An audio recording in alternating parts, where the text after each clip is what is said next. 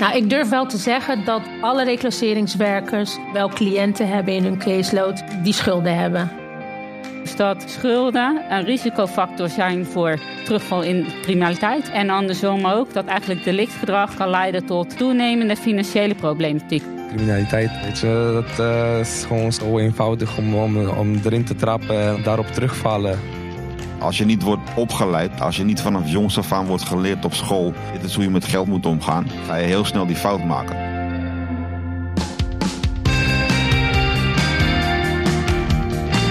Kennis is er om gedeeld te worden. In Utrecht maakt kennis, een programma van Podium, ontdek je de tofste onderzoeken van de Hogeschool Utrecht van dit moment. Live vanuit de bibliotheek Neuden zoeken wij tot op de bodem uit wat deze onderzoeken ons kunnen leren over de wereld waarin wij leven. Bezoek Utrecht Maakt Kennis live of abonneer je op de podcast van Podium.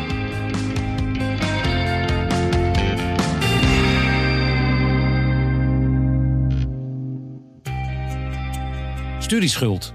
Een leningje hier, een kredietje daar. Schulden hebben we bijna allemaal.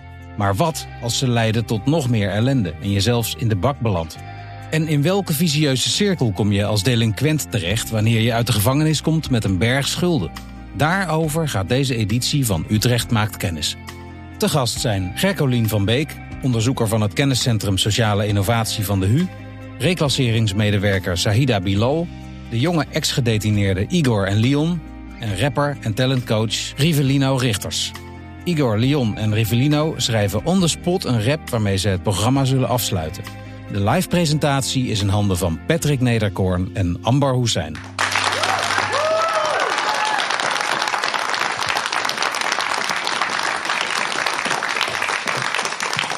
Ik heb uh, geprobeerd wat van mijn leven te maken. Ik probeer me aan alle regels te houden. Ik snap het niet. Ik ben al jaren niet meer in aanraking geweest met justitie. En die schulden die blijven me achtervolgen. Wat moet ik dan doen? Moet ik weer een bank gaan overvallen of zo? Je luistert naar onderzoeker Gercolien.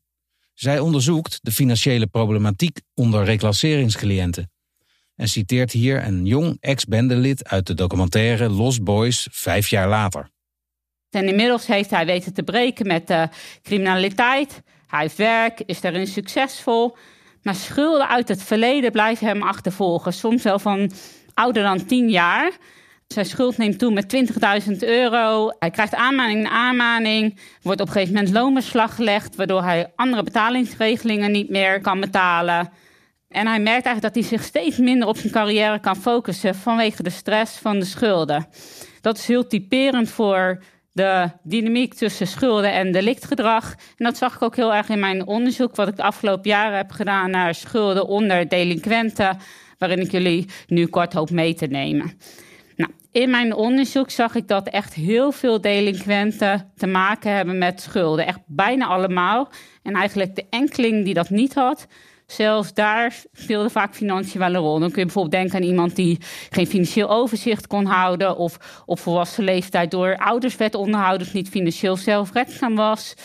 Um, of misschien dat de inkomsten eigenlijk niet bekend waren. En een groot vermoeden was van um, illegale inkomsten. Dus we zien eigenlijk dat de omvang van de schulden onder delinquenten heel groot is.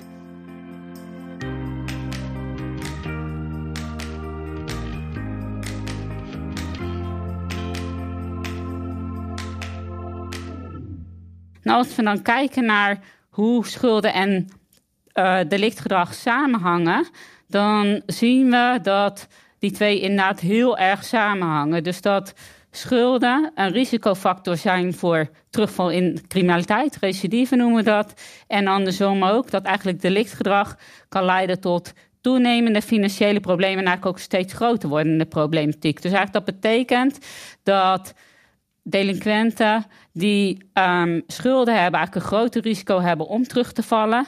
En ook eigenlijk volhardende delinquenten, dus mensen die vaker een delict plegen, dat die ook weer een groter risico hebben op schulden.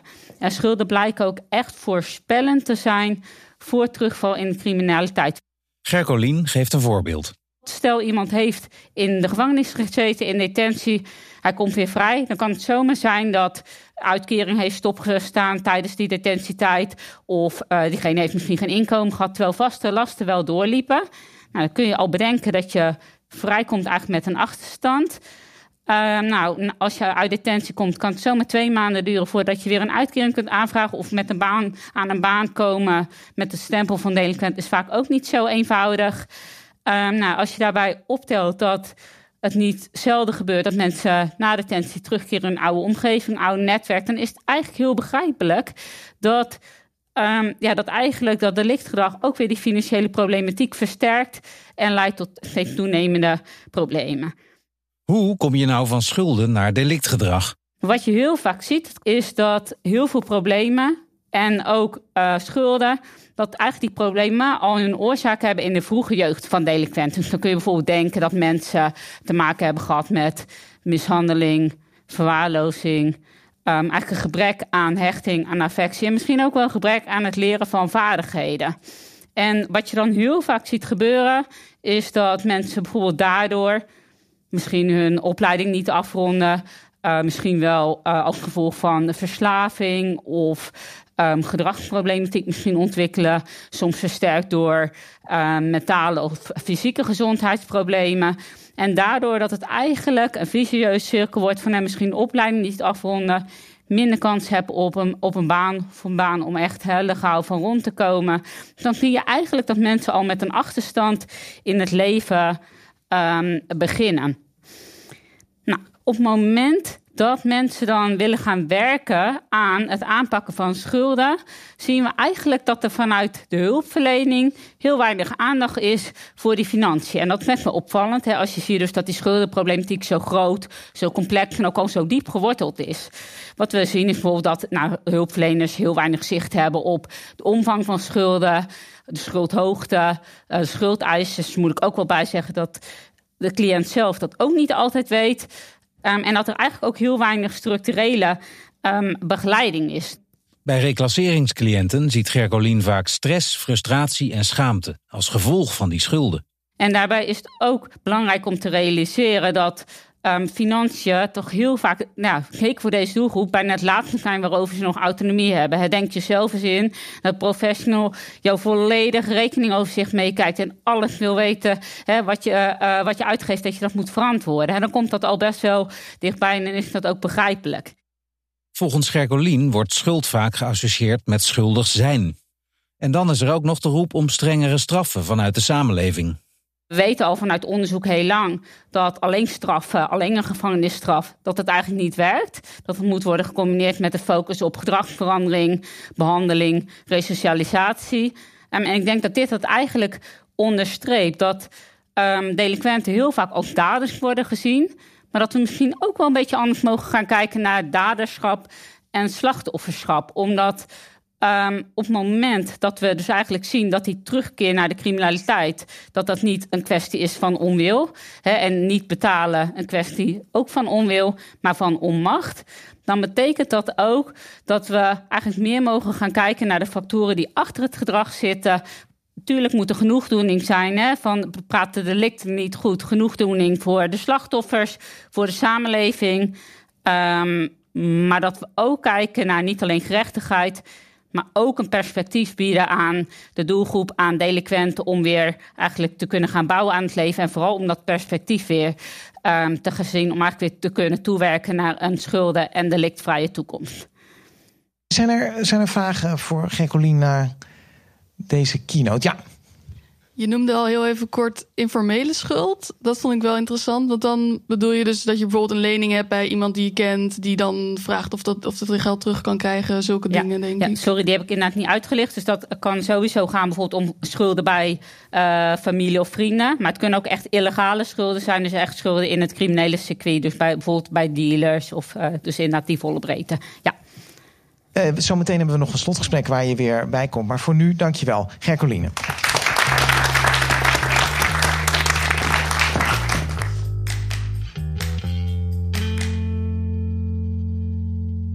Ze werkte jarenlang bij de politie en is nu reclasseringsmedewerker. De volgende gast is Sahida Bilal. Zeg maar schulden, komt dat vaak voor bij de cliënten die jij dan hebt als toezichthouder? Ja, nou ik durf wel te zeggen dat uh, alle reclasseringswerkers wel cliënten hebben in hun caseload eh, die schulden hebben. Dat durf ik wel. Ik denk, durf echt wel te zeggen dat 9 van de 10 cliënten schulden heeft. Ja. ja. Wat kunnen de gevolgen zijn als je die schulden helemaal buiten beeld houdt? in zo'n traject? Ja, nou, de gevolgen die kunnen best groot zijn. Want ze hebben geen perspectief. Ze kunnen weer terug uh, uh, in de recidieven vallen. Dus dat ze toch weer... Ja, hoe, moeten ze anders aan hun geld komen? En dan denken ze, ja, hoe moet ik dan... Ik moet wel weer op een illegale manier mijn geld verdienen. Dus dan heb je gewoon terugval. Aan wat voor voorbeelden moet ik denken? Er werden, werden net al wat dingetjes genoemd. Maar wat zijn dan dingen die ja, je tegenkomt? Nou ja, goed, inderdaad, de hennepkwekerij. Uh, je hebt ook gewoon mensen, jongeren die straatroven plegen. Uh, diefstallen, uithalers. Uh, de haven, dat is ook gewoon makkelijk verdiend geld. Ja, ja. Geldezels, cybercriminaliteit, noem het maar op. Ja, zijn, er, zijn er vragen aan Sahida? Ik ben benieuwd of het onder u en uw collega's uh, bekend is um, ja, wat het effect is van die schulden. Wat we net van Gercoline hebben gehoord, of dat ook uh, ja, dat besef er is. Ja. Het besef is er zeker, maar wat, wat ik denk, wat ik net heb benoemd, is tijd. Ze krijgen bijzondere voorwaarden opgelegd, zoals bijvoorbeeld een gedragstraining, dat ze zich moeten melden. We moeten dat allemaal monitoren, in de gaten houden. Sommigen hebben een enkelband. Uh, waardoor je ze ook uh, in de gaten moet houden. Dus dat is echt iets extra's wat je doet voor de cliënt. En er zijn echt wel reclasseringswerkers die dat doen. Het is niet zo dat het helemaal niet gebeurt. Alleen het kan. Eigenlijk zou het gewoon meer moeten. Eigenlijk moet het, zou het gewoon een onderdeel moeten zijn van toezicht. Dat dat gewoon standaard ook behandeld wordt. Maar die inzicht is er zeker. Igor en Leon zijn ervaringsdeskundigen. Jong, ex-gedetineerd en in de schulden. Zijn er uh, wat uh, dingen voorbijgekomen die, waarin jullie jezelf kunnen herkennen? Igor. Echt, ik kreeg een hele secundaire trauma hier eigenlijk. Ging hele, door, mijn hele lichaam heen. Echt, uh, het leek gewoon alsof ik een beetje een soort van mijn eigen verhaal zat te luisteren. Zijn er specifieke dingen die je hebt gehoord die je echt zijn bijgebleven? Waarvan je denkt, denk dit was echt... vooral dat criminaliteit Weet je, dat is gewoon zo eenvoudig. Zodra je gewoon even geen, geen licht meer ziet dan, in de tunnel, dan uh, is het zo eenvoudig om, om, om erin te trappen en eigenlijk daarop terugvallen. Igor kwam als kind al in de problemen door de belastingsschuld van zijn vader. Ik wou geen domme dingen gaan doen eigenlijk. Maar uiteindelijk voelde ik me gedwongen. Weet je, ik had geen keuze, ik had geen kansen. Niemand die mij wou helpen en kon helpen eigenlijk op dat moment. Ah, er waren waarschijnlijk wel mensen die mij konden helpen, maar er was niemand die mij hielp. Is het uh, feit dat je je misschien onbegrepen voelt ook een factor geweest in waarom je bepaalde dingen hebt gedaan? Ongetwijfeld. Als ik beter wist, had ik beter gedaan. Als iemand mij betere weg kon wijzen, ik had geen seconde getwijfeld en ik had de kans aangenomen. Maar die kans was er niet voor mij weggelegd. Maar gelukkig heb ik nu wel de deuren voor andere jongeren kunnen openmaken. En ja, nu kan ik anderen helpen wel om de fouten te ontlopen die ik heb gemaakt. Wat zijn dan de tips die je jongeren meegeeft om, om te voorkomen dat zij in de schulden raken? Zeggen ze altijd, uh, wees open, transparant. Er zijn gewoon instanties die jou willen helpen, die jou kunnen helpen, weet je. En niet schamen en gewoon open zijn naar de wereld en vragen om hulp, weet je. Ik was te trots en ik was ook gewoon veel te dom destijds. En eigenlijk dacht ik, kan het allemaal zelf oplossen en ik kan de wereld aan. Nou, echt, uh, ik was snel achtergekomen dat het niet zo was. Op de, en uh, keihard ook. Het is een wonder dat ik hier nog bij jullie zit. Dat, dat ik hier nog naar jullie mag zitten en dat ik nog, nog kan vertellen. Leon, is het voor jou ook uh, zo geweest dat je uit een onbegrepen gevoel bepaalde dingen hebt gedaan? Nou, niet echt uit een onbegrepen gevoel of zo, maar het was wel een puntje in mijn leven dat ik echt dacht van wat moet ik hier nou mee? Ik kwam ook zelf natuurlijk ook heel erg diep in de schulden terecht, et cetera. En daardoor kreeg ik ook bijvoorbeeld ruzies thuis. En uh, uh, wou ik ook gewoon niet meer naar school gaan. Dus het werd van kwaad tot erger eigenlijk. En in principe heb, ik gewoon uiteindelijk wel gewoon de keuze weten te maken. Want ik was zelf waar ik wel echt wat ga doen met mijn leven. Want ik was destijds was ik toen bezig met muziek, nu nog steeds dan. En uh, daarnaast hield ik ook er, erg van koken. Dus uh, ging ik naar de kokschool, dat, hoe heet het, uh, Da Costa in Amsterdam. En ik daar de koksleiding opgevolgd, zeg maar. Maar omdat het destijds een beetje slecht ging en ook met mij destijds, omdat ik gewoon een beetje een probleemkind tussen haakjes was, eh, ben ik daardoor dus eh, echt, echt wat diep in de schulden gekomen. Mijn schoolgeld kwam erbij, et cetera. Het werd alleen maar van kwaad tot erger. Op, eh, op een gegeven moment heb ik toch wel de keuze weten te maken van... ik ga hier gewoon keihard eh, eh, mee aan de slag. En uiteindelijk is dat wel gelukt. Eh, ik ben pas 30 geworden en over twee maanden ben ik dus eh, officieel uh, schuldvrij verklaard ook. Dus dat is ook een mooi dingetje. En uh, daarnaast, uh, ja, dank jullie wel. dank jullie wel.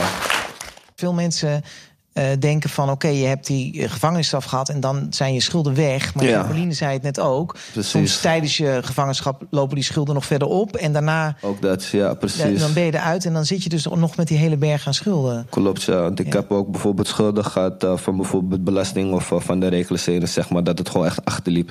Op een gegeven moment kwamen ze bij mij aan de deur aankloppen. En ik had de tijd, had ik me echt ontzettend goed gedragen, hoor daar niet van.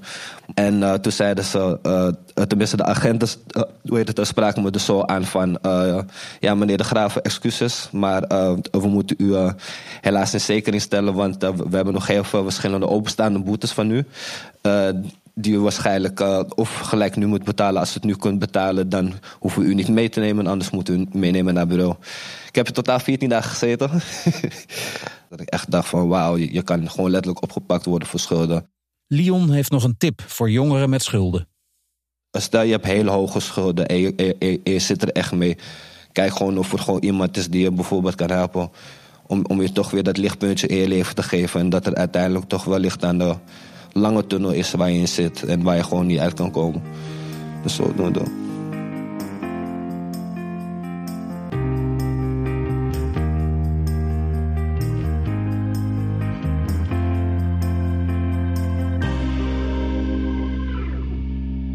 Over naar het eindgesprek. Als je in een situatie zit waarin je ouders ook al schulden hebben, dan is het heel moeilijk om daar niet in te komen. Die, die kansongelijkheid, is dat nou een belangrijke grond voor mensen om zelf ook in de schulden terecht te komen? Kan je daar iets over zeggen? Ja, ik denk het wel, omdat je dus eigenlijk al zo diep dat gevoel hebt van ja, ik kom er toch niet, ik sta eigenlijk al in de min. Uh, dat dat eigenlijk alleen maar een beetje zelfstigma wordt, waardoor je alleen maar dieper in de problemen komt. Zeker, ja. Volgens Rivellino kunnen we niet vroeg genoeg beginnen met voorlichting. Als je niet wordt opgeleid, als je niet vanaf jongs af aan wordt geleerd op school, dit is hoe je met geld moet omgaan, ga je heel snel die fout maken. En men, men doet te weinig om onze jongeren op te leiden met financiële intelligentie. Er moet veel meer aandacht aan worden gegeven. Heeft schaamte wel eens ooit een rol bij jullie gespeeld? Zijn jullie daarmee wel ooit bezig geweest? Ja, ja, best wel natuurlijk. Je gaat je uiteindelijk ga je wel schamen, weet je, want je wil toch wel een betere beeld geven aan iemand, de, tenminste aan, aan, aan wie dan ook, om toch over jezelf te kunnen vertellen van hé, hey, het gaat wel echt goed met me. En, maar de, aan de andere kant gaat het niet goed, want je hebt extreem veel schulden bijvoorbeeld en je hebt behoorlijk veel stress en ja, dat, dat ga je toch wel een schaamtegevoel bij krijgen, zeker. Armoede doet pijn. Je wil gewoon nooit honger hebben. Je wil zeg maar gewoon. Schulden zeg maar, zijn gewoon een van de meest klote dingen, zeg maar. Schaamt je daarvoor, maar dat doet gewoon pijn. Weet je wel? Gewoon de pijn, zeg maar, gewoon van dat je weet van oké, we gaan vandaag gaan we eten. Weet je, we eten bord rijst met wat ei of zo, een ketchup, dat is het. Of je een, uh, weet ik veel, broodje. Zijn niet allemaal slechte dagen geweest, gelukkig. Maar uh, ja, het is wel een uh, hele kille werkelijkheid of zo. Bij mij heeft het ook een grote rol gespeeld. Ik was echt veel te trots in eerste instantie. Ik dacht, ik los het zelf op. Ik wil niet dat niemand, ik wil dat niemand weet dat dat soort dingen bij mij spelen. Als we, weet je, we leven in een maatschappij. Iedereen wil zich anders voordoen dan dat die eigenlijk aan, echt realiteit is, weet je. Want mensen willen niet dat, dat ze op, op ze neergekeken wordt, weet je. En heel veel mensen zijn ook niet meer bewust dat eigenlijk gewoon, er zijn genoeg mensen die jou willen helpen, maar omdat je je schaamt en je wil niet laten zien, gaat het ook niemand weten. En als niemand het weet, dan kan die jou ook niet helpen. Wees gewoon eerlijk en geloof mij, niemand gaat op je neerkijken. En als iemand neerkijkt, dan is die, diegene ook zelf gewoon waardeloos, weet je. Ik bedoel, ja, wat, wat voor uh, mens ben je dan? Iemand die wil reageren, ja. Ik was wel benieuwd. Uh, je kan in de maatschappij natuurlijk veel uh, bereiken door dus voorlichting te geven, et cetera. Maar wat zouden jullie in de politiek of binnen de instanties zelf willen zien, uh, anders willen zien dan dat het nu gaat? Dat ze één worden. Gewoon echt gewoon bij elkaar gaan zitten van hoe, hoe gaan we dit aanpakken. Dat is het enige. Want er zitten heel veel verschillende punten van eh, eh, die pakt dat aan, die pakt dat aan. Maar ze zullen nooit aan één tafel gaan zitten van oké, dit zijn echte problemen in Nederland. Hoe gaan we dit aanpakken? Zahida, wat, wat, wat kunnen we daaraan doen? Dus, want jij zei het zelf ook al, van je Ja. hebt en de schuldhulpverlening en je hebt de reclassering en Ja, ik denk dat we daar eh, als reclassering echt in moeten investeren. Eh, en het integraal werken, dat we echt eh, samenwerken. Eh, je had het over armoede doet pijn. Ik moest gelijk ergens aan denken. Ik heb, eh, voordat ik bij de reclassering werkte, eh, werkte ik bij de politie. En dan pak je mensen op. Eh, winkeldiefstal en zo. En toen kwam ik bij de reclassering, bij de werkstraf. En er kwam een man bij mij. Die had een werkstraf. Nou, dan ga je doorvragen, waarom heb je die werkstraf gehad? En die man die had winkeldiefstal gepleegd. Die had eh, wit brood, een pakje kaas en ham gestolen. Hij zegt, ik moest mijn kinderen te eten geven. Ik vond dat zo pijnlijk. En dan denk ik, ja, toen ik bij de politie werkte, toen was het van, hé, een winkeldief, hup, inrekenen, hup, insluiten. En, maar als je dat dan zo hoort, dat doet zo'n pijn. En zo, zo wa- er waren nog meer eh, van zulke soort dingen. En in het begin wist ik niet zo goed hoe ik daarmee om moest gaan. Ik denk, ja, ik wil die man helpen. Ik wil die man geld geven, zodat hij boodschappen kan doen. Maar ja, dat, dat kan niet. Dat, je kan niet eh, al je cliënten... eh, ik, ik heb in mijn caseload had ik 90 mensen die een werkstraf hebben. Die kan je niet allemaal even geld geven om, ja, voor een schulden of wat dan ook. Dus dat is wel echt heel herkenbaar. Gercoline, ik, ik ben nog wel benieuwd. Eh, zeg maar het terugkeren in de maatschappij wordt dan als een tweede kans genoemd. Maar ondertussen horen we dus dat dat, dat een best wel moeilijke tweede kans is. Hè? Schulden zijn er nog, schulden zijn vergroot. Hoe kan je die tweede kans daadwerkelijk een tweede kans maken? Wat, wat zou daarin kunnen veranderen? Ja, ik denk dat daar al heel veel aspecten inderdaad in het gesprek net langskwamen. Hè, omdat we al horen van, nou, hè, dat eigenlijk het al bij eerdere generaties begint. Nou, ik vertel natuurlijk mijn verhaal ook een beetje vanuit de volwassen hulpverlening. Veel eerder, veel kleiner beginnen door inderdaad echt eh, jongeren al veel beter te ondersteunen. Hè, want anders begin je als eh, hulpverlener bij volwassenen ook al met een achterstand. Dus daar inderdaad echt die integrale benadering en veel breder kijken. hè. Dus als het om schuld gaat, kun je heel technisch kijken. Ehm, maar daarmee ga je het niet redden, omdat, nou, hè, wat we net al zagen, er ligt zo'n taboe op. Ik denk dat daar veel meer aandacht voor moet zijn. Dus het taboe eraf halen, echt er samen in optrekken. Zien hoe het eigenlijk onder zoveel andere problematieken ehm, ligt. Ja. Ik denk dat daar al begint. En de titel van vandaag is Schuld, schuldig. Wat vind je daarvan? Dat er soms wordt gezegd als iemand een schuld heeft, dat hij dan ook schuldig is. Ik vind dat eh, slachtoffers maken slachtoffers. En eh, dit is hoe het eruit ziet, de maatschappij van tegenwoordig. En eh, in plaats van elkaar neer te halen en kapot te maken, moeten we elkaar helpen en ondersteunen. En elkaar helpen bouwen. En eerlijk durven te, ook gewoon durven eerlijk te wezen naar elkaar toe. En gewoon vanuit pure interesse, oprechte liefde, onvoorwaardelijk. Om niet om iets terug voor te vragen en terug te krijgen. Weet je, het komt vanzelf bij je terug. Als je goed doet, wie goed doet, goed ontmoet. Dankjewel, mooie woorden. We gaan, eh, we gaan naar jullie luisteren. Mag ik een heel groot applaus voor Igor Leon en Black Rockstar.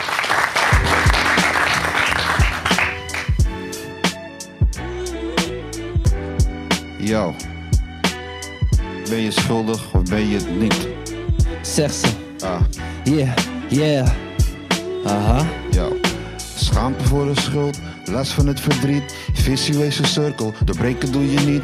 Hoe word je schuldenvrij wanneer je het niet ziet? Kom los van de straat, pak je kans, wees uniek. Schaamte voor de schuld, last van het verdriet. Visueuze cirkel, doorbreken doe je niet. Hoe word je schuldenvrij wanneer je het niet ziet? Kom los van de straat, pak je kans, wees uniek. Ik zou beginnen met mezelf, vanuit de woorden komen hard. Want alles wat ik had, dat was mijn moeder en ja, ik kon niet leven. Want daarna had ik donkere dagen, want ik moest vechten voor mezelf. En leven zonder vader, ik heb veel gezonde en ben de vader vergeven. Maar de wonderen die ik had, die zal ik nooit meer vergeten. Want ik wil telkens weer opnieuw beginnen, maar dat lukt me niet. En de reden daarvan, niemand begrijpt dat hier. En met deze zinnen wil ik nog zeggen dat ik toch goed ben. Diep in de schulden, kijk waar ik nu ben. Ik was de beste beatboxer van Amsterdam. Vanaf mijn derde was ik bezig, kijk hoe goed ik dat kan. En de strijd is gewonnen, want mijn vader is terug. Ik ben bezig met mijn dingen, ik heb mannen achter de rug. En veel verdriet in mijn leven ben ik zo al vergeten. Kom ook nu maar eens terug op de woorden van mijn leven. Schaamte voor de schuld,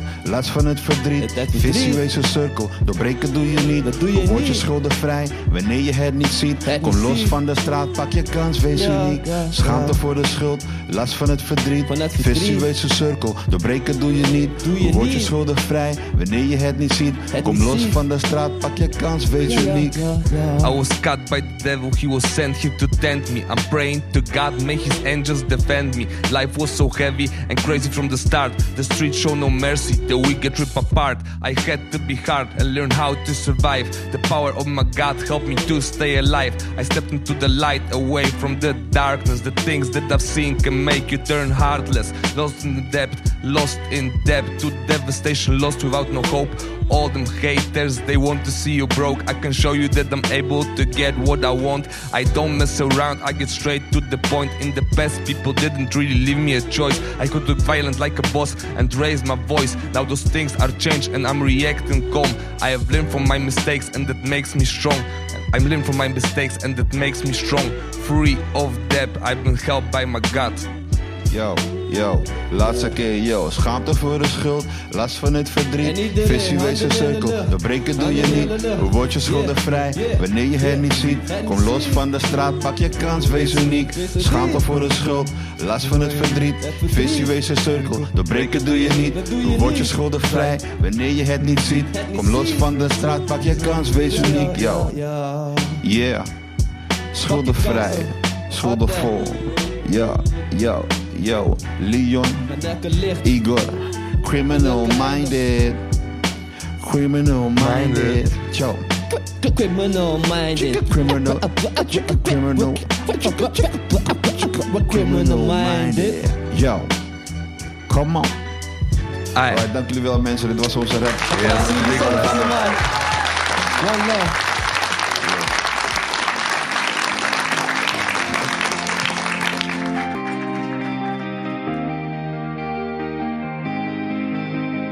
Wil jij Utrecht maakt kennis of een ander programma van Podium live meemaken? Kijk op podium.hu.nl slash agenda voor de komende data. Of volg Podium op Insta via podium.hu. Vond je dit een interessante podcast? Laat dan een review achter in je favoriete podcast-app. Utrecht maakt kennis is een productie van Podium, het cultureel studentenplatform van Hogeschool Utrecht. Gasten in deze aflevering waren Gercolien van Beek, Sahida Bilal, Rivelino Richters, Leon en Igor. Live presentatie Patrick Nederkoorn en Amber Hussein. Redactie Alinde Hoeksma, Amber Hussein en Eline Donker. Partner Bibliotheek Utrecht. Deze podcast werd geproduceerd door Matthijs Duringhof en Michiel van Ruitenbeek.